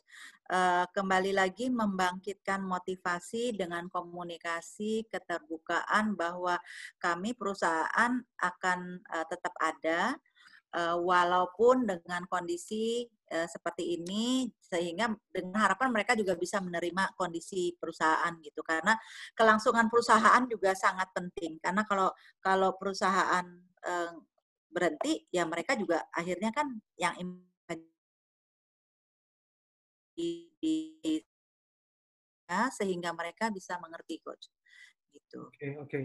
oke okay. thank you Bu Novina sebelum uh, tutup saya main sedikit Bu Novi ya. So, silakan, jadi silakan. nyambung ke Bu Novi bilang bahwa gini, di saat inilah kita sebetulnya uh, menunjukkan gini, di saat COVID inilah sebetulnya kita bisa melihat siapa diri kita sebetulnya, yeah. dan kita bisa melihat siapa orang-orang di sekeliling kita sebetulnya. Itu sama seperti kita kalau lagi camping gitu, Bu Novi. Yeah. Jadi saya bilang ini, zaman COVID ini, ini kayak kita camping jadinya kan kalau hmm. camping itu ada orang yang egois, ada orang yang uh, lebih apa masih masih mikirin orang lain dan segala macam. Nah di saat inilah yuk kita evaluasi diri kita agar ke depannya bisa lebih baik. Ya. Yeah. Thank you so much Bu Novi dan sebelum kita tutup, uh, Eva ada mau kasih informasi tentang better dimaksimalin karena ini kalau normalnya tadi Eva bilang betul belasan juta rupiah Anda mesti bayar. Tapi kalau sekarang dikasih free hanya JLC, eh, sama-sama JLC. Nanti Ibu Novi, Bu Novi, kalau Ibu Novi berkenan, nanti kita bikin grup ya. Kita siap, bikin grup, bikin grup WA supaya teman-teman uh, yang nanya satu, tapi kita bisa belajar bareng-bareng. Boleh, Jadi, boleh. Silakan, Novi, silakan. Ya, ntar nanyanya A, yang nanyanya A lagi kan juga Bu Novi juga capek juga jawabnya. Ya. Jadi kita bikin grup A supaya itu semua orang bisa belajar bareng-bareng. Ya, boleh, okay. boleh. Thank you so much Bu Novi atas waktunya. Terima kasih Coach Ruby. Saya terima kasih. Bapak Ibu, terima kasih. Saya kembalikan ke Eva. Thank you Eva, silakan. Iya, terima kasih Bu Novi untuk sharing yang luar biasa. Terima kasih juga untuk Coach Robi selaku fasilitator kita pada malam hari ini. Oke, Coach Eva izin untuk share screen ya.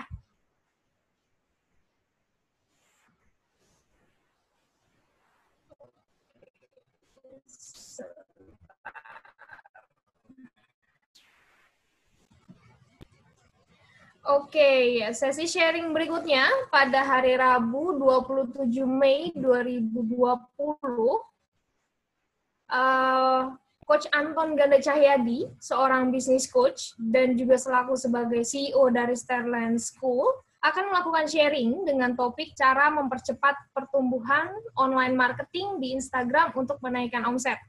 Di sesi tersebut, Coach Anton hadir untuk memberikan insight terbaru mengenai marketing untuk menaikkan omset Instagram. Oleh karena itu, eh, pastikan Bapak dan Ibu melakukan pendaftaran sekarang juga bit.ly slash GLC strip fitcon atau WhatsApp ke nomor 0811 1075 889. Uh, dan jika Bapak dan Ibu mau tahu tentang kegiatan dan tips bisnis lainnya, boleh untuk follow account IG dan Facebook GLC di nama GLC World. Oke, selanjutnya uh, Eva mau ada info mengenai free coaching dan mentoring program. Jadi uh, pemberian gratis free uh, pemberian gratis coaching dan mentoring program ini uh, ditujukan bagi para peserta video conference pada malam hari ini uh, dan agar Bapak dan Ibu lebih uh, memahami mengapa program tersebut sangat diperlukan uh, terlebih pada saat ini, mari uh, kita dengarkan audio yang satu ini terlebih dahulu. Hati-hatilah mengambil keputusan bisnis selama wabah COVID-19 ingat bahwa dampak COVID-19 lebih besar daripada dampak krisis yang pernah terjadi di tahun 1998 dan tahun 2008. Saat ini, sebagian besar pengusaha kecil dan menengah dihadapkan dengan berbagai tantangan seperti kondisi cash yang terbatas, hutang atau pinjaman yang menumpuk, piutang yang tidak bisa tertagih, stok barang yang masih banyak, dan lain-lain. Titik pesan saya hanya satu, yaitu jangan mengambil keputusan bisnis di saat kita sedang emosi. Karena kita semua tahu bahwa dampaknya bisa sangat fatal. Nah sekarang Anda bayangkan, bagaimana jika saat ini ada seseorang yang sudah punya pengalaman tahun di bisnis, mampu bisa objektif, terbukti berhasil, punya hati untuk membantu Anda, dan orang dia meluangkan waktunya selama 30 menit. Sehingga Anda bisa berdiskusi secara terbuka untuk menemukan yang perlu segera Anda lakukan dan bagaimana cara memulainya serta semua ini gratis hanya untuk Anda. Oke. Uh, agar Bapak dan Ibu juga bisa mendapat gambaran yang lebih jelas mengenai apa manfaat yang bisa Bapak Ibu peroleh dari free coaching ini, berikut juga ada video testimoni dari salah satu klien yang sudah merasakan manfaat dari free coaching dan mentoring program dengan coaches di JLC. Coach Anton boleh dibantu ya Coach untuk video testimoninya?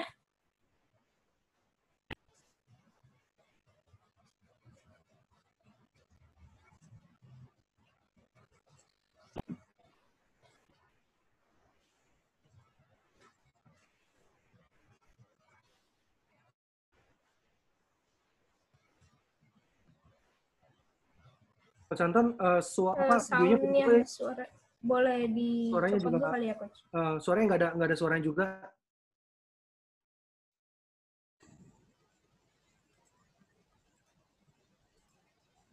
Bu Mei, apa apa uh, pem, apa uh, manfaat terbesar yang Ibu Mei peroleh setelah uh, dapat free coaching dari Coach Anton di JLC?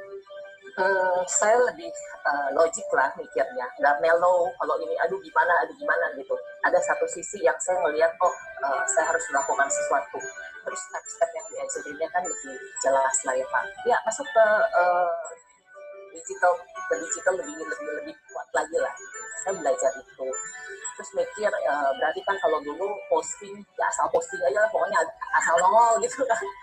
sekarang kan ya saya ya berusaha lah pikirnya oh kalau saya mau ngepost berarti saya harus ngepost yang lebih lebih cantik. Bukan lebih cantik ya lebih apa ya? Belum belum jago sih pak. Masih cuman saya berusaha gitu. Misalnya kalau saya ngepost sekarang oh misalnya membuat teh uh, ice tea uh, eh, sorry saya hari ini bikin membuat bubble tea di rumah di rumah uh, tapioca couple gitu loh pak. Jadi saya uh, posting videonya, saya posting res resepnya, terus saya kasih tahu cara membuatnya seperti apa gitu. Jadi lebih lebih satu step lebih lebih lebih baik lah kalau saya rasa. Oke, okay. thank you Bu Mei atas sharingnya. Ya sama-sama Pak. Terima kasih juga ya buat coaching free-nya. Dengan senang hati Bu Mei. Dengan senang hati. Terima kasih.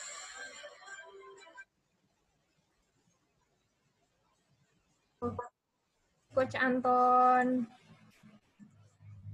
Oke, uh, selanjutnya uh, bagi Bapak Ibu yang sudah memenuhi syarat yang tadi, uh, mohon izin besok untuk menghubungi Bapak Ibu yang sudah hadir pada webinar eh video conference pada malam hari ini untuk menginformasi hal proses selanjutnya. Uh, sekali lagi, Eva sampaikan bahwa tidak ada penawaran dalam bentuk apa pun setelah coaching dan mentoring program tersebut dilaksanakan. Oke, untuk selanjutnya, uh, silakan Bapak dan Ibu untuk mengisi survei yang ada di screen Anda masing-masing seputar dengan kegiatan video conference pada hari ini agar Eva dan tim GLC dapat terus memberikan yang terbaik untuk video conference selanjutnya. Oke, Bapak Ibu boleh dibantu untuk memberikan pollnya atas kegiatan video conference pada malam hari ini.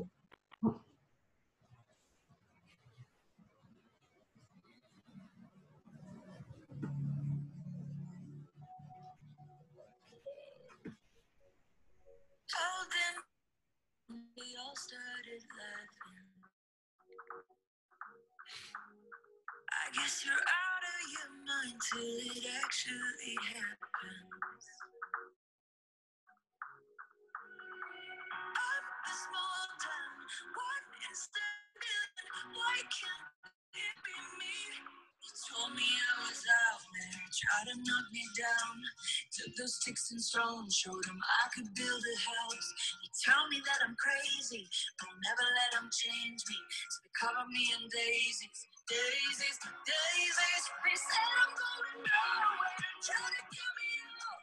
Bagi Bapak Ibu yang belum mengisi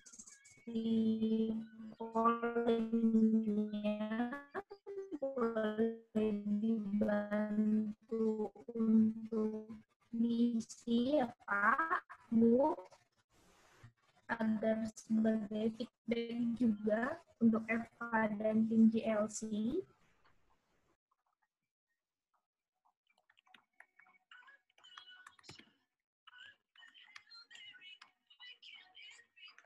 Oke, kita tunggu sebentar lagi.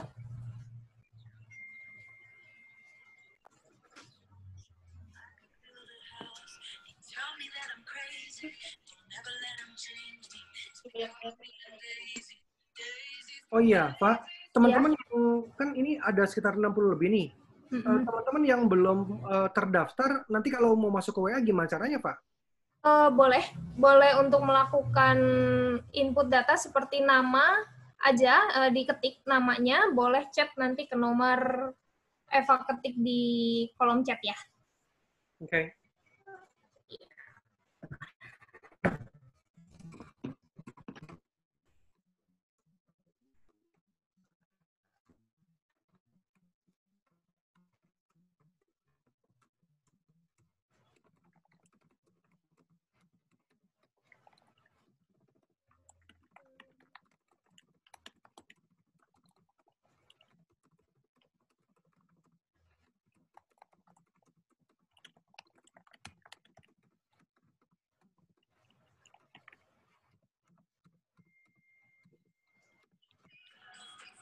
Oke, Eva sudah ada kirim di kolom chat bagi Bapak dan Ibu yang belum melakukan registrasi.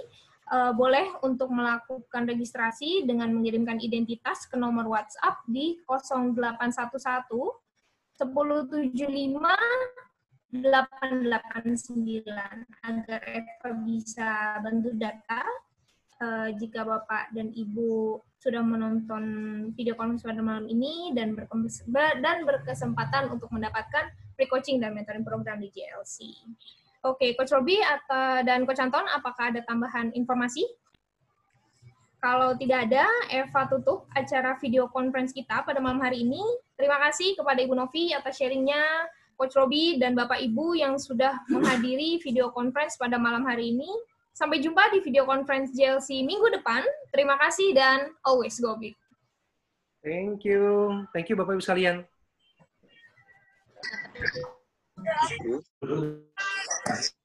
Ya, karena dibilang uh, udah banyak ya jodoh. Jadi kayak ini nggak kecapai kayak gitu kan. Ya teman-teman kan sana orang-orang takut uh, ikut oriflame karena satu target. Target.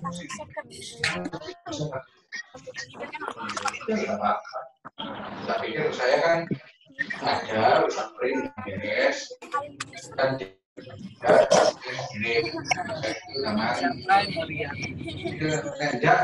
luput itu saya luput saya sih salah sama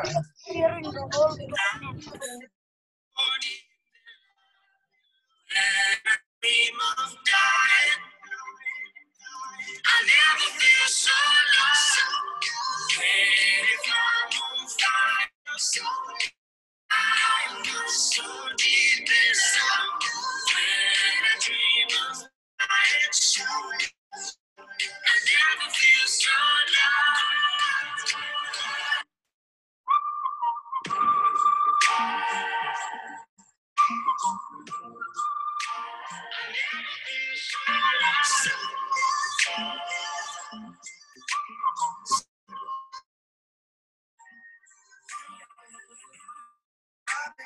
dreams. On trampoline.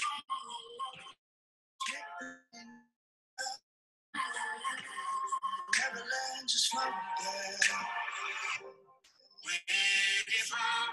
i? How am I so deep in love? When I dream of dying, I never feel so.